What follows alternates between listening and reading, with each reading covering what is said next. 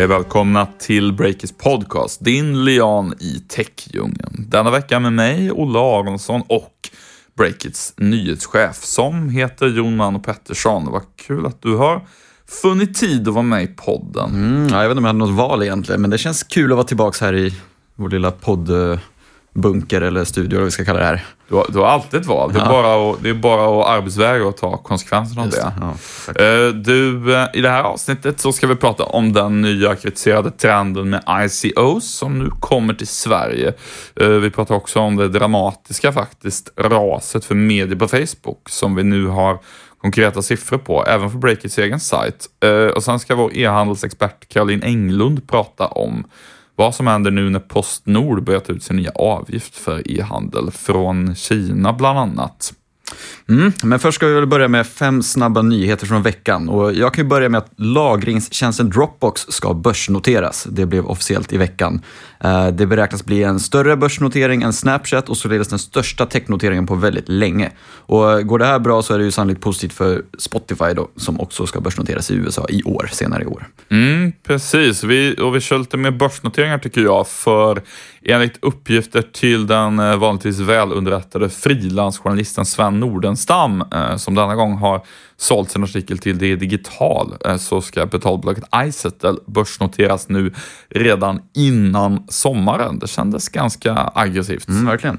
Eh, mer betalningar då. Klarna tjänar allt mer pengar. Bolaget tripplade vinsten i fjol, i fjol till 346 miljoner kronor och det kom just in till redaktionen här och det är ju imponerande får man säga. Mm, verkligen. De har ju varit lönsamma i många, många år, Klarna, till skillnad från många andra techbolag. Um, och sen så är det också dags för en Sverige-lansering som jag tyckte var kul. Uh, vi skrev om i veckan att den svenska entreprenören Carl Pays mobiltelefonbolag OnePlus ska lanseras på allvar i Sverige. Deras mobiler ska säljas av Telia och eh, deras eh, lite hippare undermärke eh, Halebop. Just det. Och så ska vi säga något om eh, Transfer Galaxy, Örebrobolaget som har byggt en sorts Swish för utlandsbetalningar. Eh, de har fått in 30 miljoner i riskkapital för att kunna växa mer och pengarna kommer från investerarna Alvén och Didriksson och Backing Minds. Yes, huvudsponsor för den här podden är Rackfish, hostingexperterna från Uppsala, min hemstad, som vet hur man stavar till driftsäker. Mm, ja, det gör de verkligen. Och som så mycket annat bra här i världen så föddes Rackfish ur ett behov. 1995 så började grundarna Johan Olde och Ola Diös att eh, bygga ett helt eh, projekt eh, eh, för webben kan man säga. Men de lyckades inte hitta vettig hosting någonstans. Mm, så Johan och Ola tog saken själva i egna händer och startade det som kommer att bli Rackfish, idag ett premiumbolag inom hosting som levererar trygg och stabil drift till kunder världen över. Mm, ja, men så är det verkligen. Och vi på Breakit flyttade i höstas in hos Rackfish. Och vi har sedan dess inte oroat oss alls över driften på sajten, utan den, den funkar fint. Mm. Så vill du komma i kontakt med Rackfish, då kan du ringa 08 425 018 18, alltså 08 425 018 18. Och då kommer det i alla fall oftast till vdn eller, och medgrundare Johan Olde själv då, som kan guida er rätt i den här djungeln. Ja du, nu är det ju så att den här trenden med så kallade ICOer har kommit till Sverige också. Eh, vi skrev ju i veckan, eller inte i veckan, men förra veckan en uppmärksammad artikel om Starflow som har investerare som Paradox-grundaren Fredrik Wester och techprofilen Johan Stell von Holstein. Eh, Starflow har skapat en så kallad ICO eh, och det är nog väldigt många som kanske inte riktigt har koll på vad en ICO är för någonting, så jag tänkte att vi skulle vara lite folkbildande och du ska få berätta vad är det för något. Ja, jag tänkte att vi skulle prata lite grann om eh, vad det är och också lite för och emot nu när det börjar komma till Sverige. Eh, man kan säga att ICOs är en förlängning av eh, kryptovalutor. Eh, kryptovalutor var bitcoin ju ett exempel. Det blev ju riktigt folkligt nu i verkligen. höstas. Eller hur? Det var mm, väldigt många eh, svenskar märkte vi till exempel som ville läsa Breakits artikel om ska man skatta på bitcoin och sådär. Det tyder ju på att det finns ett eh, intresse. Eh, ja, men, till att börja med då så kryptovalutor idag är ju inte valutor egentligen utan de är ju finansiella instrument som en liten grupp entusiaster tror kan bli framtidens betalmedel. Men i verkligheten just nu så är de helt enkelt ett värdepapper utan kopplat till någon riktig tillgång. Det finns typ ingen aktie underliggande eller så som skulle kunna betala utdelning i framtiden utan det är det är ren spekulation. Och ICO är lite grann som ett lager till av spekulation ovanpå spekulationen. Eh, det är ett sätt att hitta på nya kryptovalutor. Eh, du och jag skulle till exempel kunna starta Breakitcoin och så säger vi att tusen Breakitcoin, de är värda lika mycket som en bitcoin. Och sen marknadsför vi det där och ser om någon vill investera i vår nya valuta. Och om folk vill göra det i tillräckligt stor skala så finns den sen. Och eftersom allt bara liksom ändå är spekulation om att värdet ska gå upp så så går det att göra så. Just det. Det är nog ganska svårt att ta in, liksom, men uh, skulle vi se, istället kunna hitta på att ett break-it-coin var värt tusen bitcoins då, eller så att vår valuta blir mer värd? Går det att göra så? Ja, men det, det går absolut att, att göra så. Um, ICO har ju då den modellen att de kopplar liksom värdet till en kryptovaluta. Det, så att eh, exakt hur värdet på Breakit-coin då skulle vara jämfört med ethereum eller bitcoin, det, det kan liksom vi hitta på men eh, det som är återkommande i, i ICO-ernas modell är att de har liksom kopplat värdet på ett eller annat sätt eh, till någon annan kryptovaluta så att det blir liksom som den underliggande tillgången. Och det som blir skakigt med det är att kryptovalutorna i sig far ju jättemycket upp och ner i värde. Och sen så blir det då en ICO som också har ett väldigt osäkert värde som kan fara upp och ner. Så det blir liksom en nivå till av, um, av osäkerhet. Ja, det låter ju extremt uh, riskfyllt får man ju säga. Ja, nej, men verkligen. Och nu har det kommit till Sverige mm. uh, med bland annat Johan Stefan Holstein bakom. Uh, Ehm, ja, men Starflow har ju fått en del kritik och så i sociala medier för sin, eh, vad ska man säga, ICO för influencers. Eh, de vill lite förenklat skapa en ny eh, kryptovaluta då som influencers kan använda för att få betalt typ. Och det man väl kan säga här är att utöver att man då skapar en ny kryptovaluta så är det ju så med både Starflow och andra ICO att man liksom också använder det här som en sorts nyemission för att finansiera olika projekt som liksom inte är valutan i sig utan i det här fallet då ett, eh, ett företag. Um, och man kan väl säga att en del av det bluffrykte och kritik som ICO har fått är väl att det i vissa fall, nu säger jag inte det om Starflow och jag har inte tittat på dem i detalj, men det finns uppmärksammade exempel internationellt där det liksom har varit så att det är lite oklart, eller att investerarna kanske inte riktigt begriper i hur stor del de investerar i vad som är en ny kryptovaluta och hur mycket de helt enkelt ger pengar till ett, eh, ett företag som vill använda det till att finansiera olika projekt för egen vinning, lite förenklat. Just det.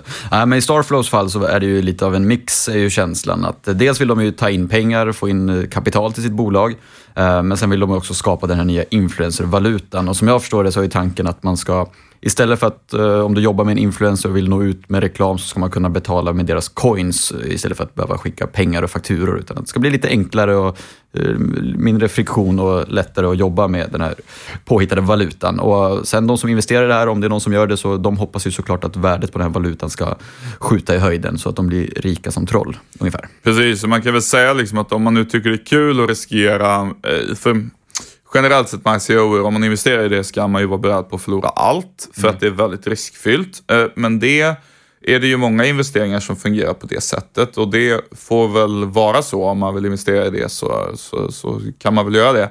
Eh, men däremot det här med att det skulle bli så mycket smidigare för att man använder sig av det, det tror jag inte. Det känns bara som att man måste växla Starcoin till bitcoin och sen till kronor. Alltså man lägger bara mm. till led eftersom nu de här betalmedlen än så länge inte har slagit igenom. Um, så att uh, där förstår jag väl kanske inte riktigt poängen. Men uh, jag tycker vi ska nyansera den här bilden också, för det finns flera tunga investerare som är seriösa och väldigt positiva till ICO, vilket ju gör den här bilden lite mer intressant. Ja, verkligen. Och har du några exempel? Det antar jag att du sitter på här och ja. Ja. Ja men det, det mest intressanta exemplet tycker jag är Tim Draper. Mm. Uh, jag och min uh, medgrundare Stefan, så jag annars brukar podda med, har båda med intresse läst uh, en intervju med honom i The Information. Och um, Information som är ett betal-nyhetsbrev kan man säga för, om, om techbranschen. Mm. Uh, Tim Draper är en jättetung riskkapitalist i Silicon Valley, välrenommerad, har investerat i bland annat Tesla och Skype tidigt. Um, och även svenska wifi-appen Instabridge. Uh, och han gillar SEOer. Ehm, och uh, i intervjun med The Information så säger han att um, eh, ja, ska säga då, att han har bland annat investerat i en jättestor ICO som heter Tezos som har tagit in eh, jag tror över eh, 200 miljoner dollar till, till den. Så den, det är ju ett, ett stort projekt. Um, och det jag menar egentligen är att han tror på både kryptovalutor och ICOer och deras förmåga att förändra betalsystemet i samhället så att det blir mycket mer fritt och oreglerat och effektivt. Och han gillar inte snacket om att myndigheter ska reglera eh, ICOs eh, hårdare, utan han, han tycker helt enkelt att eh, ja, men det här är en teknik som kan förändra världen så att ekonomin blir på riktigt digital och inte fastlåst i det traditionella monetära systemet. Just det. Men det är ju ganska visionärt, eller? Ja, jo men precis. Och det är kul med visionär. Ja, men verkligen. jag själv känner ju, måste jag säga, att eh, det är ju väldigt kittlande att tänka på och eh, när Tim Draper säger att han, som har mycket erfarenhet av, eh, av techbolag och så, är positiv till det så blir man ju själv, får man själv en mer nyanserad bild. Men jag ska allt talat säga att jag fortfarande liksom inte riktigt begriper vad det ska vara, vara bra för. Ja, men, eh, så här då, tänker jag. Om man eh, i framtiden, om man har Instagram till exempel, så kanske man kan låsa inlägg på Insta som man sen kan låsa upp med Instacoins till exempel. Det kanske transaktionsavgifter gör kanske att det blir för dyrt att skicka över en krona för att låsa upp ett inlägg, men om du har man Instagram kanske man har 100 coins också som man kan- sen kan fördela ut. Eller Breakit-artiklar, Breakit-coin, du låser upp en artikel med ett coin istället för att slussa en krona till oss. Eh, kanske något sånt, om det kanske finns en sån framtid. Ja, nej, men det är väl eh, liksom drömmen skulle jag säga om krypto, kryptovalutor skulle göra det möjligt att göra en massa smidiga mikrobetalningar och så. Det är väl liksom mer att eh, det har ju folk pratat om ända sedan första gången jag träffade någon för typ eh, 5-6 år sedan eller när det var när folk började lyfta fram bitcoin och så. Och hittills så har det ju faktiskt inte blivit så. Men om det blir så väl etablerat så att det fungerar så mycket smidigare, då är väl jag positiv, eh, positiv till det så att säga. Men, men hittills har det inte hänt och min bild är att folk i allmänhet tycker det är kul att spekulera i krypto men eh, jag har knappt träffat någon utom de här mest inbitna entusiasterna som liksom betalar med det så att säga. Det, jag tror att folk eh, i allmänhet, typ 98% av befolkningen, gillar att ha pengar som garanteras av staten någonstans på sitt eh, lönekonto. Så därför så, det känns bara så långt bort att jag inte kan se det bli verklighet. Du kanske inte är så visionärt lagd. Nej, precis. Jag är en, förmodligen en tråkigare och, och mindre dynamisk person än Tim Draper. Eh, men någon ska vara det. Eh, du, ska vi prata om någonting som är, mm, jag i alla fall tycker är lite lättare att grappa om. Mm. Medie, mediers räckvidd på Facebook. Just det. Ja, men det är ett favoritämne för dig kanske. Eller Ja, för alla men- oss som jobbar med det här. Ja, nej, men det, det är någonting som jag begriper och tycker är, är intressant och som jag Och helt visionslöst. Ja, ja precis. Som, som det, det är bara ett Excel-ark där man kan se hur det är, punkt. Exakt. Nej, men eh, exakt. Facebook har ju den senaste tiden ändrat i sin algoritm. Det har man gjort eh, ja, sedan starten egentligen, men man har ju fortsatt med det och nu påverkar det sådana som dig och mig lite extra mycket. Eh, man har förändrat som så att nyhetssidor och media prioriteras ner och istället ska man lyfta upp lite mer personliga inlägg och sådär. Eh, och det slår mot trafik för mediehus och för Breakit också för den delen. Eh, vi har ju ganska lojal trafik och får mycket trafik från Google och folk gillar att gå in på breakit.se.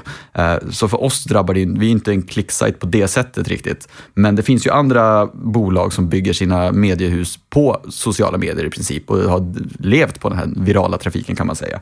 Eh, och ett exempel då är ju Erik, vår reporter Erik Wisterberg, han har ju tittat på Bonniers storsatsning Kit som har tappat väldigt stor del av sina interaktioner på Facebook det senaste året och ja, videovisningarna har rasat med mera. Ehm, Och det skrev jag om tidigare i veckan och det är ju tufft såklart. Mm, nej men verkligen, det är ju, man kan väl säga för alla egentligen som har eh, lanserat sin, som har lanserat en, någon typ av publicistisk tjänst med utgångspunkten i att man ska ha Facebook som primärt sätt att nå ut. Eh, Det finns ju massa Eh, både journalistiska och icke-journalistiska publikationer som, som har jobbat med den, den modellen. Och då blir det tuffare när det blir helt enkelt, ehm, man får mindre gratis och måste liksom köpa sin trafik istället för att bara få den, få den organiskt. Men det är inte bara Kit som har, haft, eh, som har drabbats av det här, utan vår hårt arbetande praktikant Tobias Blixt har i dagarna suttit och analyserat hur det har gått för 20 av de största svenska medierna på Facebook. Eh, man, vi har både tittat på hur det sett ut senaste 30 dagarna kontra de 30 dagarna innan. För Mark Zuckerberg har gjort en liten förändring ganska nyligen. Men sen har vi också tittat på hur det såg ut för, hittills i år jämfört med samma period förra året. Och det är, det är rätt brutala siffror faktiskt. Hur illa ser det ut då? Jag måste erkänna att jag inte ens vet uh, hur illa just räckviddssiffrorna ser ut för Facebook. Jag följer ju hur många som mm. klickar in därifrån, men inte interaktion och räckvidd. Så. Men, Nej, det, men det vi tittar på är hur många som kommenterar, gillar och delar de här inläggen. Och det är det som i sin tur driver räckvidd. Eh, men, och vi ska, jag vet inte om man ska rabbla alla siffror, för det är ganska mycket siffror i det här dokumentet. Men det man kan säga är att alla Sveriges största medieaktörer på Facebook har rasat kraftigt. Och det är egentligen bara Metro som har ökat lite grann det senaste året. I övrigt har alla rasat. Antingen i princip eh, allt har försvunnit eller hälften av alla interaktioner. Kul för Metro får man säga. De har det inte lätt med deras ägarbild och sådär. Mm. Eh, men om vi ska göra ett urval då, vilka går det värst för? Ja, värst är ju alltid roligast att prata om, eller hur? Mm. Eh, absolut sämst går det för Expressens forna viralsuccé eh, Omtalat. De hade backat med, ja, nu har jag inte siffran i huvudet, men det var 80-90 procent av alla interaktioner hade försvunnit jämfört med förra året. Det var liksom från 300 000 någonting till 30 000 någonting, mm. typ. Uh, med reservation för att jag sagt fel på någon siffra här nu, men ungefär så. Mm. Uh, och I förra veckan kunde vi berätta att Aftonbladets motsvarighet Likat har gått i graven. Uh, så det väl, finns väl mycket som talar för att omtalat är på väg att vandra samma väg, så att säga. Ja, verkligen. Ja, men den modellen tror jag är helt död om man ska göra journalistik samtidigt. Mm. Alltså det funkar ju jättebra säkert att vara någon typ av contentbyrå som bara gör annonser på konsultbasis och liksom tar betalt för kunden och bara köper räckvidd så att säga. Då, då är det bara att skicka den kostnaden vidare till någon medköpare någonstans. Så att, mm. Eh, då är det väl inga konstigheter, men däremot så om du liksom ska göra innehåll som inte är köpt och eh, på något vis um, ja, antingen bygga en räckvidd som du sen ska sälja till annonsörer genom att dina eh, annonsinlägg också får mer spridning i kraft av din organiska räckvidd. Mm. Eller om du helt enkelt bara ska dra besökare till din sajt. Det klassiska sättet så att säga. Mm. Båda de grejerna känns ju helt körda tycker jag om man ska göra liksom en sån, vad ska man säga, lite billighets, lättsam viralsida, då, då får man nog lägga ner journalistiken och bara bli en contentbyrå tror jag. Mm. Ja, men jag tycker det är intressant. Även DN till exempel har tappat väldigt mycket jämfört alltså hittills år kontra samma period förra året. Eh, det är intressant. Och sen tittar man på senaste 30 dagarna kontra de 30 dagarna tidigare. Så även där så fortsätter alla medier att tappa. Eh, och Förutom några stycken då, eh, jag vet inte, du kanske kan gissa vilka, om du, senaste 30 dagarna, vilka har ökat, tror du? Uh, jag tror mig veta att Dagens Industri har ökat. Ja, det vet jag faktiskt inte. Uh, det var uh, inte okay. de jag tänkte på. Uh, det var intressant. Nej, men för dem känns som att de har börjat pumpa ut massa tv-grejer. Ja, så här, du får en ledtråd. OS. Ja, okej. Okay. Ja, men det var ju för sig rimligt. Ja, men vad är det då? Eurosport Discovery? Eller ja, vad? men det är sportsajter generellt. De har gasat på rejält nu de senaste 30 dagarna på grund av OS, får vi väl anta. Men mm. i övrigt så är det fritt fall ungefär överallt. Liksom, inte brutalt fritt fall, men det är många procent eh, upp i rök. Så det, forts det, fortsätter att falla nu efter att Zuckerberg har gjort sina förändringar i algoritmen. Uh, jag vet inte, har du koll på hur det ser ut för oss då? Breakit? Nej, men jag förutsätter att eh, uh, interaktionerna har fallit för oss. Uh, det, det, jag följer ju inte det på daglig basis, men däremot följer jag ju själva trafiken, alltså många som klickar sig in och, och den har ju jämfört med för ett år sedan fallit eh, väldigt mycket. Mm. Facebook-trafik är av mycket mindre betydelse för oss, så att vi, vi har nog fallit mycket tror jag. Ja, men vi har tappat ganska mycket. Våra interaktioner jämfört med förra året, samma period, har ungefär halverats, lite mer än halverats. Eh, så det är ändå ett stort tapp och tappet fortsätter även för oss nu de här senaste 30 dagarna jämfört med de 30 dagarna innan.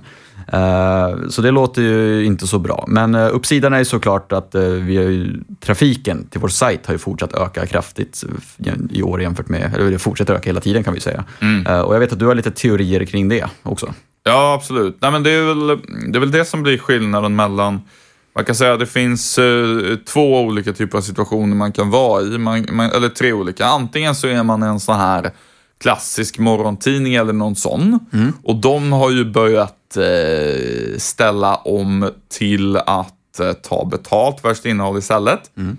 Och de tror jag kanske inte är sådär mega bekymrade över just det här, utan de fortsätter nog köpa Facebook-reklam för sina prenumerationer och liksom ser det som en marknadsföringskanal.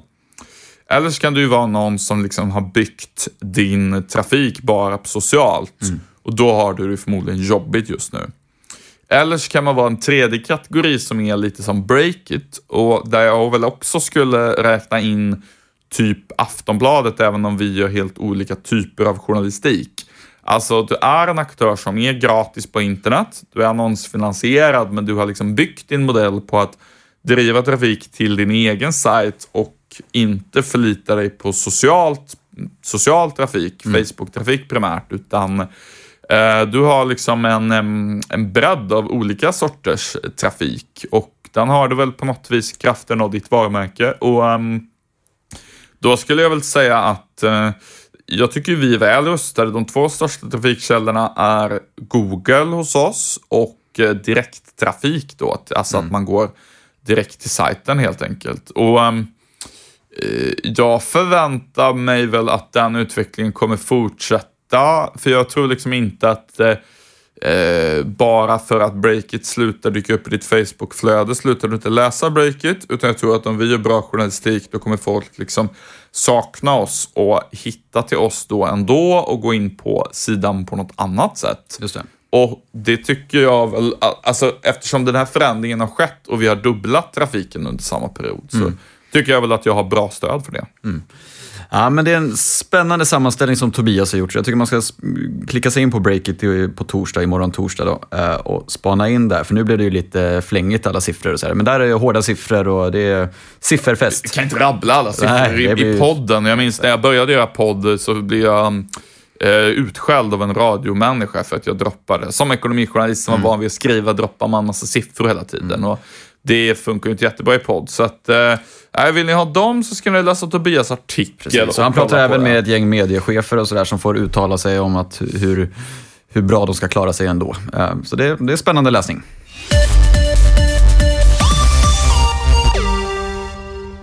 Den här veckan sponsras eh, Breakers podcast av Swedbank och Sparbankerna som vill prata pension och egenföretagande med oss.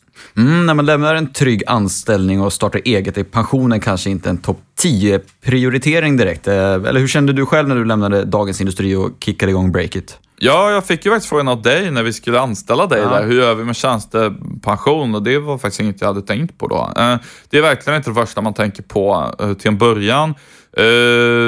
Vi hade ju jättemycket att rodda med där, jag och Stefan Lundell, när vi skulle dra igång breaket. Eh, men så småningom så tog jag mig i kragen och eh, fixade en tjänstepensionslösning. Det var ju helt enkelt något man var tvungen att eh, sätta sig in i själv. Det var ju ingen arbetsgivare som, som löste det åt mig länge som det hade varit tidigare. Nej, precis. Och då fick du exempelvis koll på att det är viktigt även för företagare att ta ut lön. Då får man rätt till både allmän pension, sjukpenning, sjukersättning och föräldrapenning. Mm, eh, verkligen. Det är nog någonting som en del startups missar säkert. Eh, vill ni veta mer om det här så eh, och dessutom skaffa er en eh, bild av hur du kan få bättre trygghet som företagare så tycker jag att du ska klicka in dig på www.swedbank.se slash eh, trygga företag. Alltså www.swedbank.se slash trygga företag. Mm, tack Swedbank och Sparbankerna.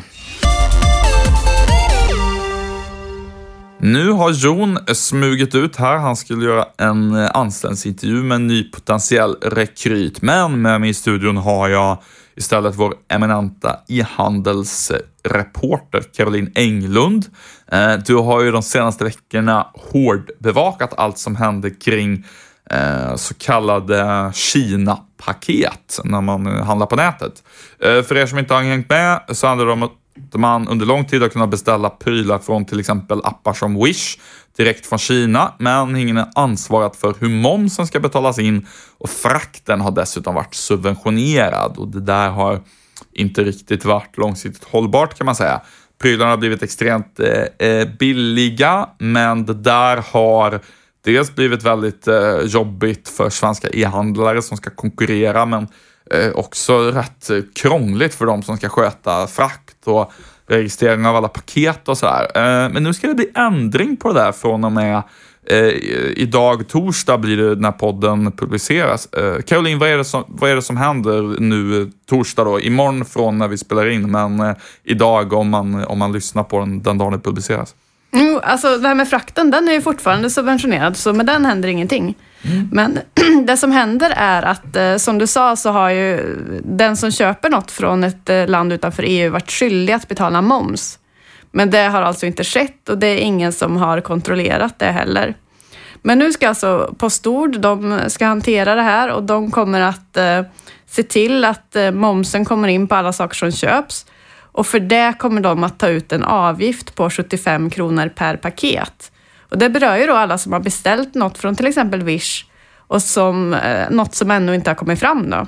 Just det, så 75 kronor och då undrar man ju direkt, Gäller det oavsett hur mycket man handlar det för? Eh, ja, om det handlar för upp till 1500 kronor. Handlar det för mer än 1500 kronor så kommer det bli lite dyrare. Då är avgiften 125 kronor och då kommer du också att få betala en tullavgift. Just. Och så har det varit tidigare också. Du, eh, vad innebär det här för, för Postnords del?